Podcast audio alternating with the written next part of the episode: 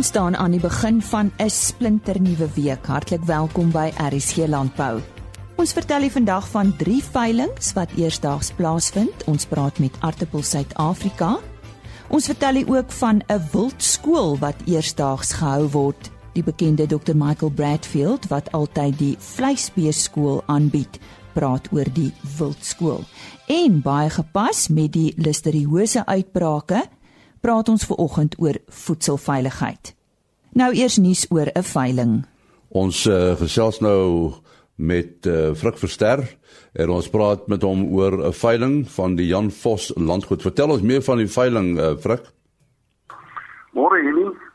Ja, dit is eintlik 'n baie interessante brokkie nuus hierdie. Die Jan Vos landgoed uh is uh, boere wat besig wat boer daar in die omgewing van Davel tussen Ermelo en Bethal vir baie jare al lank.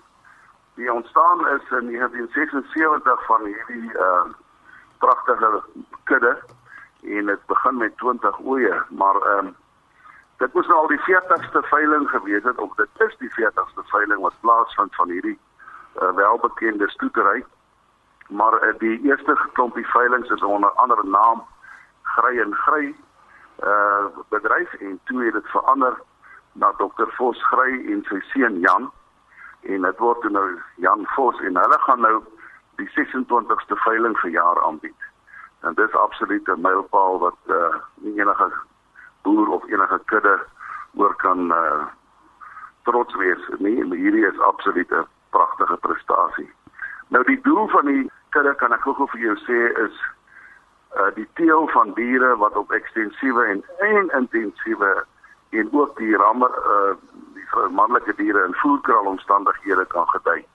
Nou dis 'n hele bek vol, jy weet, en uh, mense moet 'n baie besonderse metode uh volg, die seleksie metode wat hulle dan nou ook doen is dat die stoet loop saam met die uh kommersiële kudde in die veld. Hulle wy daar dieselfde omstandighede slegs op die weiding, hulle het geen uh byvoedings nie en net slegs die nodige minerale en uh, so hulle word nie opgepiep nie weet en dan naspeen word die uh, ramlammers uitgehaal en hulle word 'n bietjie kos gegee sodat hulle groei tempos en hulle voeromsetverhoudings dan bepaal kan word en dan word hulle weer geselekteer om dan as ramme aan te bied word vir die kommersiële en ook die stoetmark. Uh dieselfde manier word die oeye ook nou uh hanteer. Hulle die beste oetjies wat dan nou deurkom op die veld en wat die beste doen onder hierdie kommersiële kudde of in die omstandighede wat hulle dan loop. Hulle word dan verkering voorgebring en die kudde opgeneem. Uh so dit dit is 'n kudde wat absoluut nie opgepiep word nie. Dit is 'n kudde wat enige plek in die land kan gedei en elke boer wat van hierdie diere bekom, se kudde kan regtig te baat daarby. Ek wil graag gou vir jou uh, ietsie praat oor die wol Hulle uh, jy weet nou dit is uh, is al vleis wat die nou nie merinos nie maar die wol speel ook 'n baie groot rol en hulle poog altyd om om uh, 'n mikro mikron van minder as 22.5 op die op die skaap te hê weet en dit is in op sigself uh, baie goeie seleksieproses en baie uh, fyn beplanning word daar gedoen. Die aanbod uh, is 104 uh, 175 is al vleismerinos natuurlik die veiling word aan aangebied op 6 Maart daar in uh, Brak op Brakfontein in die distrik Tafel. En dit is uh, bestaan dan nou uit 50 ramme, geregistreerde ramme. Asook 25 uh, dragtige tweekant oeye. En dan gaan hulle ook van hulle kommersiële oeye aanbied, ook 'n 100 dragtig 2 tot 4 tand kommersiële oeye. Nou ja, uh, die die veiling word dan ook, ook aangebied onder die beskerming van die SA vleismarinos en uh, die kwaliteit van hierdie diere op baie baie hoog. Really absoluut iets om op trots te wees. En net net weer die tyd en uh, waar presies dit plaasvind? En dit is Dinsdag die 6de Maart uh, om 11:00 op die plaas Brakfontein in die distrik Davel. Dit is tussen Bethal en Ermelo en um, hulle kan gerus so my skakel enige iemand wat belangstel of uh, ons kyk na ons webwerf op ons webwerf is die volledige advertensie en ook alle beskrywings as uh ook enige iets wat hulle wil weet enige iemand wat hulle kan bel vir navraag. Wat is jou telefoonnommer? My telefoonnommer is 082 65 22 132. Ek kan dit net gou herhaal. Telefoonnommer 082 65 22 132. En ons nooi julle uit al die mense van Suid-Afrika kom en kom geniet hierdie dag baie gasvrye mense. Hierdie is boermense en hulle boer met baie baie goeie baie goeie materiaal. Ja, nie. Ons sê baie dankie aan Frik Verster vir daardie inligting oor die veiling. Dankie Henny en hy's nou in gesprek met Dr. Andre Jooste van Artipel SA. Andre, jy jy is besig om 'n bietjie rond te ry deur die land en te kyk uh hoe dit gaan met die aardappelboere. Is hulle oor die algemeen tevrede? Ja, goeiemôre Henny. Ehm um, ek dink as ons kyk na die aardappelbedryf vir al hierdie eerste gedeelte van die jaar, ons groot streke wat nou uithaal is Suidwes Vrystaat. Ons sien ook dat die Oos-Vrystaat is besig om in te kom Noordwes. Uh so die oes wat inkom op hierdie stadium van daar af is lyk redelik uh, normaal, maar ek dink die die die, die impak van die droogte kan ons dalk oor die volgende paar maande begin sien. Nou as jy mens na die aardappelbedryf uh, oor die algemeen kyk, hoe lyk dit? Wat is sy stand? Ja, ek dink uh, soos ek sê die die droogte en die impak van die droogte is vir ons 'n bekommernis want dit kan verrykende gevolge hê vir ons produsente. Uh, daar is uh, reeds aanduidings dat aan sekere gebiede minder hektare aangeplant kan word. As ons byvoorbeeld na die Weskaap kyk en Ceres uh, allokeer die boere eerder hulle water aan hulle vrugtebome so daar gaan ons 'n daling sien in hektare. As ons kyk na die Sandveld uh, die riviere is is, is droog daarso so die produsente wat uit die riviere uit besproei het moes uh, aansienlik terugsny op hektare. As ons kyk wel na die boorgate dit lyk of die boorgate uh, nog redelik hou in die Sandveld, maar dit alles sal bepalend wees wat oor die volgende 2 na 3 maande gebeur. As dit nie reën nie, dan sal daai produsente ook waarskynlik moet terugsny. So en dit kan 'n groot finansiële impak hou veral vir daai streek. Oos-Vrystaat, die vroeë aanplantings met die hitte wat ons hier in Januarie gehad het, uh, is ons verwagting dat dit wel die oes kan beïnvloed, met ander woorde die opbrengs per hektaar. So die boere aan daai kant in die Oos-Vrystaat uh, gaan ook 'n bietjie skade sien Eh, soos wat die seisoen vorder. So die die impak van die droogte in die algemeen kan vir ons boere aansienlike skade bring. En wat ons in gedagte moet hou is dat 'n aardappelboer het ook ander gewasse. Met ander woorde, aardappel is 'n tipiese kontantgewas en wanneer daar skade gelei word in die kontantgewas, dan beïnvloed dit die hele boerdery. Uh jy het nou gepraat oor die produksie. Hoe gaan dit met die verbruik van aardappels? Ek dink dit is een van die sterkpunte binne in die aardappelbedryf as ons teruggaan en ons kyk nou na ons verbruik en ons kyk na ons reële pryse dan sien ons dat verbruikers is nou bereid om meer vir aardappels in reële terme te betaal as 'n dekade terug. Dit beteken dat die vraag na aardappels bly gesond. Ek dink waar wat waar daar wel 'n bekommernis is is dat die ekonomie is redelik traag. So vraag is is waarskynlik nie optimaal nie met 'n ekonomie wat uh, weer gaan groei meer mense wat in diens geneem word, dan word ons weer 'n uh, 'n meer optimale vraag na aardappels te sien. So die vraag na aardappels is redelik sterk. Uh, die hele kwessie oor uh oor die regulasies betreffende die gradering en die verpakking en ook die merk van van aardappels. Is daar knelpunte daar? Wel ek ek dink op hierdie stadium is ons besig met die harmonisering van die standaarde, dis die plaaslike en die uitvoerstandaard. En as deel van daai proses kyk ons dan nou ook na groter groepe om te kyk of die groter groepe soos wat hulle geklasseer word uh, nog optimaal is. Daar's 'n hele taakspan wat aangestel is en wat nou al so 'n bietjie meer as 'n jaar daaraan werk en na verskillende opsies kyk. Ons kyk ook na die klasse van aardappels wat wel uitgevoer kan word uit die land uit om ons uitvoermark uit die aard van die saak te groei. Hoe gaan dit met die uitvoermark? Kyk, die uitvoermark op hierdie stadium is so tussen 8 en 10% van aardappels word uitgevoer na ons buurlande toe. So dit is 'n baie sterk mark wat daar is en ons moet nog baie werk doen om daai mark te gaan ontwikkel. Maar daar is wel bepaalde probleme soos van ons buurlande wat sonder om ons te waarsku of, of vir die verkeerde redes net die grense sluit. En dit bring in die aard van die saak vir die mense wat wat betrokke is by daai uitvoere baie groot kostes teweeg. Want hy kom by die grenspos aan en die trok moet teruggedraai word. Dit beteken ook addisionele volumes op die plaaslike mark wat weer pryse onder druk sit. So daar's redelike werk om te gaan kyk in Afrika want hulle kom nie ons uh, Suid-Afrikaanse ontwikkelingsgemeenskap sowel as die Suid-Afrikaanse douane unie reëls na rondom vrye handel oor ons grense heen nie jy het daar in die begin gepraat uh oor die belangrikheid van besoeke aan die boere waar jy mee besig is. Die vraag is uh, is daar ander maniere wat jy ook uh, interaksie met die boere het, uh, kongresse, inligting daar? Ja, ek dink 'n uh, baie belangrike dag wat wat om die draai is is op die 8ste Maart, dis die Prestige Aardappel Inligtingsdag wat plaasvind in Worden in die Vrystaat. En tydens hierdie dag uh, word daar is daar interaksie met produsente. Ons het 'n gasspreker wat kom praat. Ons praat oor aardappelbedryfsake en hierdie dag word dan ook gereël deur die aardappelwerkgroep van die van die Oos-Vrystaat. So dit is regtig 'n dag waar daar dan ook gekyk word na na proewe wat daar geplant is en boere kan het interaksie dan ook met die kultivar eienaars. So hierdie is regtig een van die groot dae op die aardappelkalender hierdie jaar. Jy praat van proewe, so daar word nou nogal redelik navorsing ook gedoen, hè? Ja, navorsing word uh, reg deur die jaar gedoen. Uh, ek dink een van die hoogtepunte ook van navorsing is ons navorsingssimposium. En tydens ons navorsingssimposium wat hierdie jaar plaasvind in Parys net buitekant uh, in Parys in die Vrystaat op 24 en 25 Julie, dan word hierdie proewe se resultate ook met produsente bespreek en daar's tyd vir vrae vra. So dit is 'n baie interessante dag hierdie. Daar word ook oor die algemeen gepraat oor die navorsing wat gedoen is. So dis 'n baie leersame dag en dit help vir al produsente wanneer dit kom by die kwessies rondom produksie van aardappels. Ons het uh, daar aan die begin gesels oor die oor die droogtes wat 'n uh, natuurlike uh, uitdaging is. Is daar ander uitdagings? Ja, ek dink een van ons grootste uitdagings in die aardappelbedryf is is die koste knyptang wat dit basies beteken dat in reële terme styg ons kostes vinniger as in, as inflasie en wel ook vinniger as wat ons reële pryse van ons produk styg. So die so die marges binne in die bedryf is toenemend onder druk. Net om die impak daarvan te wys, as jy weet in 1990 het ons oor die 2000 aardappelprodusente in die land gehad. Ons het nou minder as 600 oor. So ons het regtig uitnemende aardappelboere wat oor is in die bedryf. Ehm um, aangesien hierdie uh, produsente dan ook dit regkry om min of meer dieselfde hektare produksie uit te brei.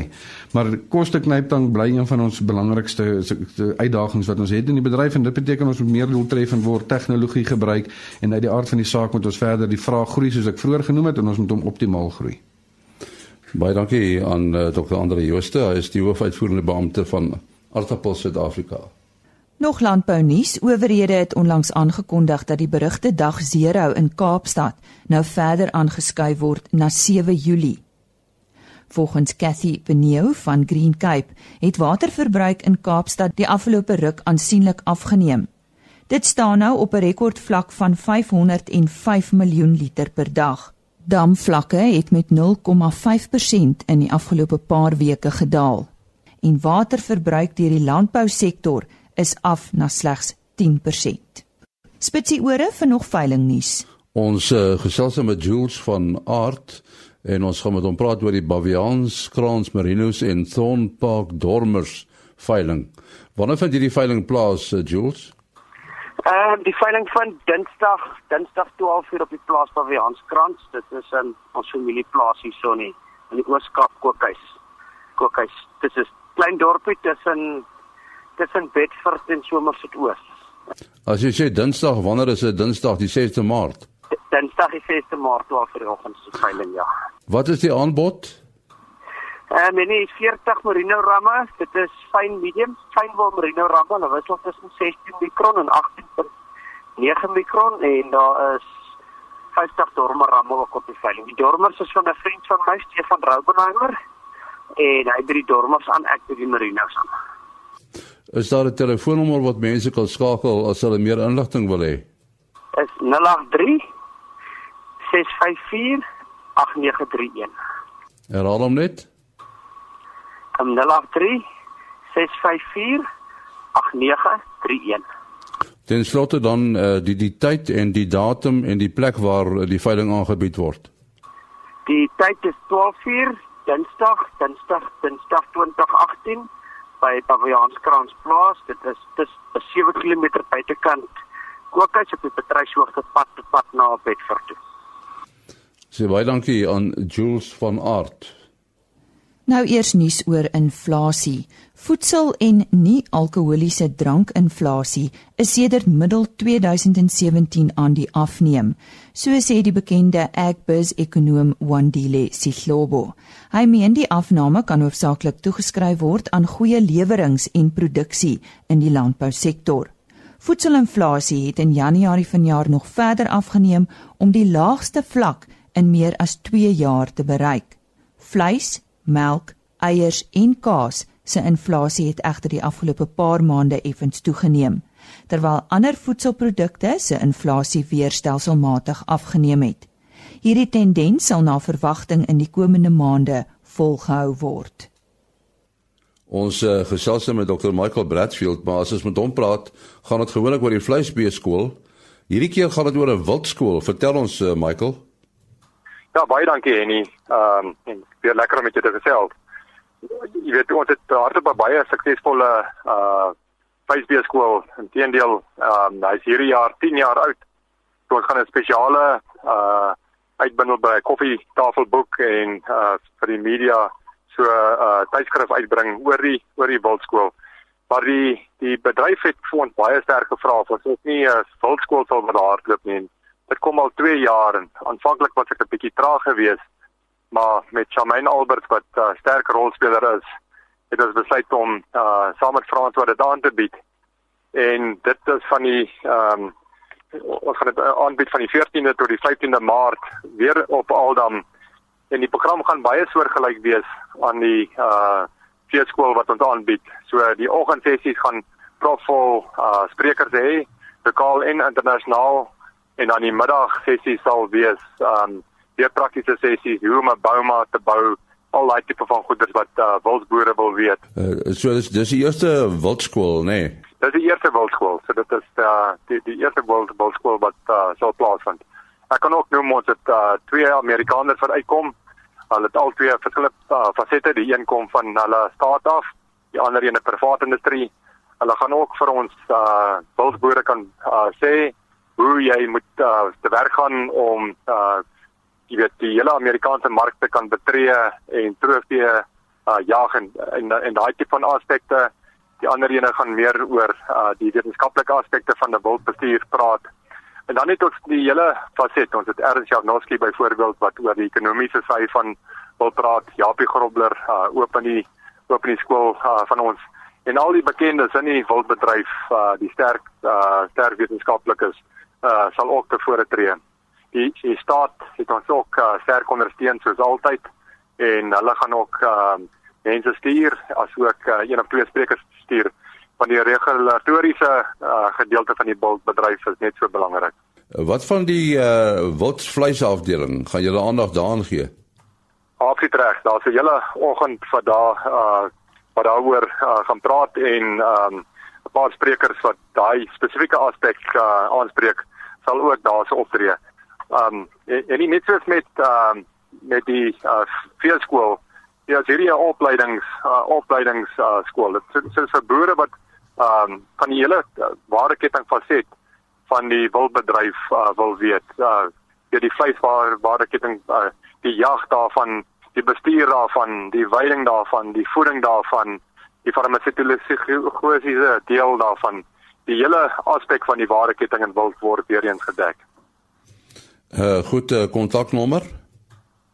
Uh die kontaknommer is sal ek aan vir Shamaine skakel by 051 821 1783. Ehm um, hulle kan die webblad wildskool.co.za as webblad toe gaan en ook die media dophou want daar kom op die oomblik baie in die media daar rondom. En net weer die datum? Ehm um, so die datum is die uh, 14de tot die 16de, sorry, 14 tot 15de Maart. Dit is twee dae. Baie dankie Dr. Michael Bradfield. Ons uh, gesels met Dr. Chris Nel, hy is die uitvoerende beampte van die Bovelder Beestudiegroep. Ons sal met hom praat oor 'n veiling. Vertel vir ons Chris, wanneer vind hierdie veiling plaas? En die veiling van ons is die ehm um, 13de Maart, dis 'n Dinsdag, hierso by die Warden veilingskrale. En en hoe lyk die aanbod? En ons het uitstaande aanbod Daarso is ehm um, 300 oop verse. Dis verse wat nou gereed is vir die bil. Ehm um, 200 dragtige verse en dan 40 3 in 1 koeie. Dis koeie wat dragtig is met kalvers by hulle. Die Bovelders uh, beestudie groep, vertel ons net so ietsie daarvan. Maar nee, nie die Bovelder beestudie groep is 'n groep boere. Ons het tans so um, 65 lede wat hier so op die oostelike hoofveld meestal is. Ons het wel lede tot aan Pietersburg en Wiwo en um, in die Suid-Vrystaat en in KwaZulu-Natal het ons ook 'n paar lede. Ehm uh, maar dit is 'n B-studiegroep wat al van 1978 af van die gang is. En die hoofdoel van die studiegroep is maar om waarde toe te voeg tot elke kudde se elke lid se kudde. Ehm um, dis die enigste doel wat ons oor tot ooit is om waarde toe te voeg. Ja, jy, as jy mense dink aan 'n studiegroep, dan dink jy aan 'n klomp boere wat nogal naby aan mekaar is, maar nou sê hulle hulle is nogal tamelik landwyd. Ja, en ons het ehm um, amper landwyd lede. Ehm um, maar dis almal boere wat dieselfde visie het, almal beesboere wat 'n passie het vir hulle boerdery en wat ehm um, nie net beeste aanhou nie, maar doeltreffend met beeste boer en wat waarde toevoeg tot hulle hele kudde. Goed, kan ons net weer die veiling datum, hoe laat en wanneer? En nie die veiling is Dinsdag 13 Maart om 11:00 te word. Ek wil ook net noem wat uniek is tot hierdie veiling is dat dit glad nie van die ehm um, lede se uitskotdiere is nie, maar hulle het van die beste genetika binne die studiegroep is. En by heel party van die lede soek ou uit van die verse. En die ou gee sy hele groep verse en jy soek net die beste vir die veiling uit. Ons sê baie dankie aan Dr. Chris Nel, uitvoerende beampte van die Bovelder Beestudiegroep. Die listeriose uitbreking het gelei tot 'n hoë dodetal. Verbruikers is op hol en die fokus is op nuut op voedselveiligheid in Suid-Afrika. Die bedryf meen egter daar word streng maatreëls getref om te verseker dat ons land se voedsel veilig is. En die maas gesels nou met Linda Jackson van die voedselveiligheidsmaatskappy Food Focus. Linda, uh die die stelsels en protokolle in plek uh, om voedselveiligheid is is daar voldoende daarvan? En ek ek dink daar is definitief behoorlike stelsels en protokolle in plek. Maar ehm um, daar is ook gapings en ons moet maar jy weet paar daarvoor staan en sê dat daar definitief verbeteringe kan wees. Ehm um, ons uh, is uh, afhanklik van die departement van gesondheid en die departement van landbou want hulle is eintlik ver verantwoordelik vir voedselveiligheid in Suid-Afrika. Hulle doen dit deur wetgewing te uh, te skryf wat bepaal wat in voedsel mag wees en nie mag wees nie. Uh, hulle het ook vereistes vir die fasiliteite waar voedsel gehanteer is.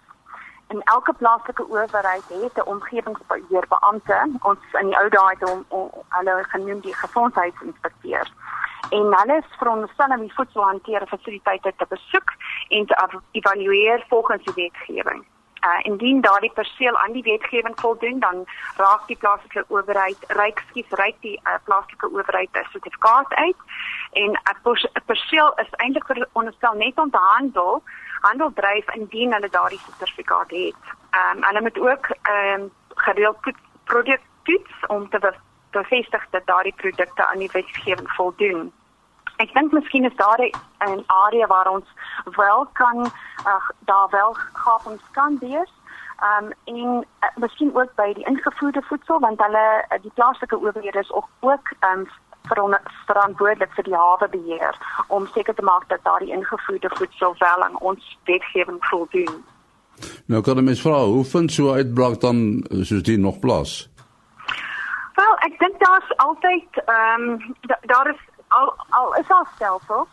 Ehm um, ons as ons jy weet dis net so sterk as ons nie oor daarop hou hou nie as ons miskien net jy weet 'n uh, gaping het ehm um, ons deel met 'n lewende organisme en dit is uh, dit is baie belangrik want daar's altyd risiko's te sprake. Ehm um, en baie belangrik tans is daar daar is geen regulasies van die uh, wat die vlakke van listeria in ons kos um, bepaal. Ehm um, en dit is 'n baie groot ehm um, jy weet ding wat ons op hierdie stadium moet nou reg kry. En ek is seker dat binnekort daardie nuwe wetgewing sal definitief in plek wees um, om om seker te maak dat daar weer of of meer monitoring is vir listeria in, in ons kos. En uh, ons het seker lesse geleer uit uh, uh, jy weet wat gebeur het. Wel, ek dink definitief, ehm um, daar dit is baie belangrik vir vir die hele bedryf en ook as verbruiker. Ehm um, want die ding is dat ons moet ehm um, ons moet al, al, almal die regte dinge doen en ek dink hierdie uh, uitbraak uh, ongelukkig gee ons nou 'n kans om 'n bietjie ja, jy weet in ons huise te kyk om seker te maak ons doen wel die regte dinge. Ehm um, daar is paar probleme met listeria want dit groei mos in die yskas en dit is 'n uh, dit is iets wat dit meer moeiliker maak om om te beheer veral in selfs as verbruikers ons in ons eie kas yskaste. Ehm um, want ons is nie altyd op 5 grade of onder 5 grade nie. En so dit kan seker dit kan definitief 'n probleem wees selfs in ons eie huise. En dis hoekom ons sê vir die mense maak asseblief seker kyk op die etiket wat is die datum, maak seker as dit nou oor die datum is van verbruik moet jy liefste dit nie eet nie. Al is jy nou uh, swanger asseblief, jy weet jy moet net 'n bietjie versigtig wees. Maak seker jy kyk na die lyskoste wat nou koste wat nou uitgegee is deur die ehm um, departement ehm um, van gesondheid en om seker te maak dat jy wel uh jy weet sekere koste koste vermy terwyl jy nou swanger is. So dit is maar moeilik om die om die oorsprong van so 'n uitbraak te bepaal, né? Nee? Ja, op hierdie stadium, uh, een van die dinge wat dit moeilik maak is om die voedselbron aan die pasiënt te koppel. En ehm um, daar is wel ehm um, vrae wat uh, aan die betrokke pasiënte gegee is, maar die inkubasieperiode van listeria is omtrent 30 dae en wie wie van ons kan onthou wat ons 'n maand terug geëet het ek kan definitief nie. Ehm um, so die, die die ding is ons moet nou bepaal wat het al die pasiënte geëet en dan probeer om daardie ehm um, jy weet daardie sos nou uit uit te kry of uit te soek om om uit te vind wat is wel die kos wat die mense nou so siek maak. So dit sal ideaal wees as dat jy weet meer data beskikbaar is en meer gereelde monitoring van sodoende um, om om die bron op te spoor. En, en ons kan nie ons kan nie reak, net reaktief wees. Ons moet nou jy weet meer proaktief wees en wat dit is wat hulle oor see doen. Hulle monitor gereeld kos om te bepaal of daar listeria in die kos is in die vlakte. So dat as daar uitbraak is, dan is dit baie makliker om om om die sos dan jy weet uit uit uit te sonder. Ehm um, aso asowel van wat ons nou doen en ons doen honderde en honderde monsters, maar ons weet nie eintlik waar ons moet soek nie en dit is eintlik 'n groot probleem. Ons moet baie meer proaktief wees as 'n regering. So die verbruikers speel natuurlik 'n belangrike rol, né? Nee? Uh, daar is ook sekere maatreëls wat gevolg moet word. Definitief, definitief. Ek dink as verbruikers sal ons nie 'n uh, voedselveiligheid audit weet slaag nie. Ek dink ons sal almal definitief nie nie volpunte kry nie want ons doen dinge in ons eie huise wat wat nie reg is nie en wat ook 'n risiko vir, vir ons almal jy weet ehm um, gee. Um, ons moet seker maak dat baie daar's daar's basies vyf dinge wat die uh, departement van gesondheid vir ons sê. Uh, die een ding is maak seker jy was al jou groente baie baie deeglik. Um maak seker as jy kos, jy kos gaar maak, jy doen dit uh, dit moet regtig gaar maak. Asseblief geen rou um bors van die braai af nie, nie op hierdie stadium nie. Dit is 'n baie baie groot risiko. Maak seker uh, veral gemaalde vleis, maak seker dat dit regtig gaar is. Uh, maak seker as jy goed in jou yskas sit, jy doen dit op die regte manier. Ons sit altyd die rou kos onder die klaar gaar gemaakte kos om seker te maak dat as daar geen geen druppels kan wees op die gaar uh, gaar kos. Maak seker dat jy um, en jy jy dink gedeeld aan die wat ons noem die koue ketting. So as jy nou uh, jy weet na die winkel toe gaan en dan jou inkopies gaan doen, maak seker jy kry daai kos so gou as moontlik weer in die yskas. Um en dan ons moet dan seker maak dat jy jy jy koop kos van 'n uh, wel 'n plek waar jy kan daarin teruggaan na die plek toe. So jy weet ons ons het winkelketings en dit dit moet ek ek sal sê dit sou baie veilig gewees op op die oomblik om seker te maak jy koop by 'n plek waar jy wel kan teruggaan as daar 'n probleem is. Dit was aan Linda Jackson van die Voedselveiligheidsmaatskappy Food Focus. En daarmee groet ons dan ook. Ons is dan môreoggend net so na 05:30 weer terug. Totsiens. RSG Landbou is 'n produksie van Plaas Media. Produksieregisseur Henny Maas. Aanbieding Lisa Roberts. En inhoudskoördineerder Jolandi Root.